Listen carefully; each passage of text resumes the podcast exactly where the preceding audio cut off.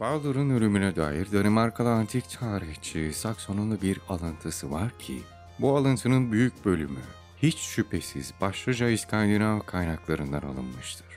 Hikaye, Eda kitaplarında geçen anlatıdan bariz bir farkla ayrılıyordu. Sakson'un hikayesine göre Baldur'un katili Hotbrot'un oğlu Hotter'dı. Hotter, kör bir tanrı değil. Gençliğinden beri yiğitçe işler söz konusu olduğunda gösterdiği kuvvet ve hüner sayesinde öne çıkan cesur, yakışıklı bir prensti. Yüzme ve okçulukta eşsiz bir yeteneği vardı. Arpı herkesten iyi çalardı. Koruyucu babası Gevar'ın kızı Nana'yı seviyordu ve sevgisi karşılık da bulmuştu. Odin'in oğlu Yüce Baldur, Nana'yı görüp ona kuru yapmaya başladı ama bu davasında başarısız olunca Hotter'ı öldürmek istedi. Hotter bu planın tamamını bazı orman kızlarından öğrendi. Koruyucu babası Gevar'a danıştıktan sonra Baldur'ı yaralayacak olan tek şeyin orman trolü Miming'in kılıcı olduğunu söyledi. Büyük zorluklar sonrasında bu kılıcı ele geçirmeyi başardı. Baldur, Hotter ve Gevar'a savaş açtı.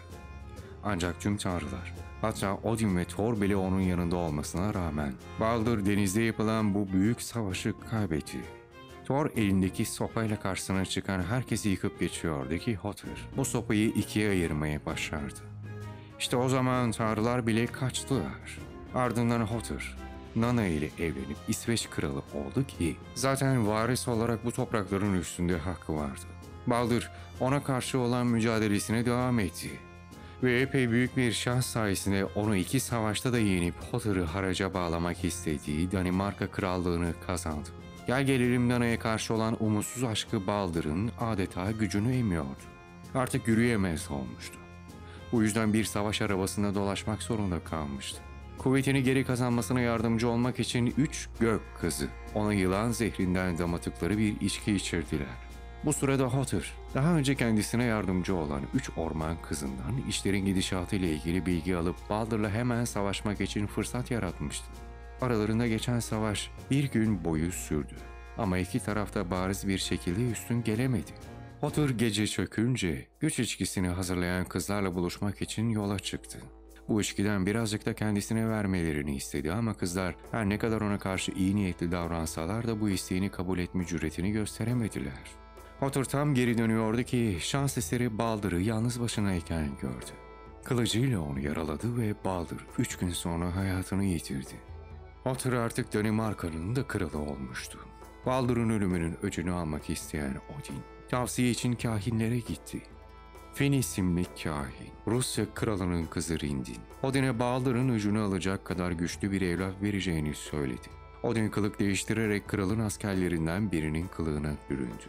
Ve öylesine kahramanca işler başardı ki, nihayetinde kralın güvenini kazanıp sağ kolu olmayı başardı. Sonra kralın da rızasını alarak Rind'e koru yapmaya başladı.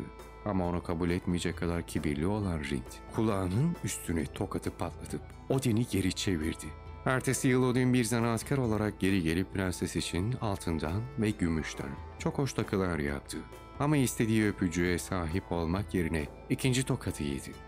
Çünkü prenses bu kadar yaşlı bir adama gönlünü vermeye razı değildi. Üçüncü dönemesinde çok neşeli bir şövalye olarak ortaya çıktı ama tıpkı öncekilerde de olduğu gibi şans yaver gitmedi. Nihayetinde genç bir kıza dönüşüp Rind'in hizmetçilerinden biri oldu. Kendi deyimiyle bu hizmetçinin şifa yeteneği olağanüstüydü. Prenses zaman içinde tehlikeli bir hastalığın pençesine düşünce hizmetçi çağrıldı.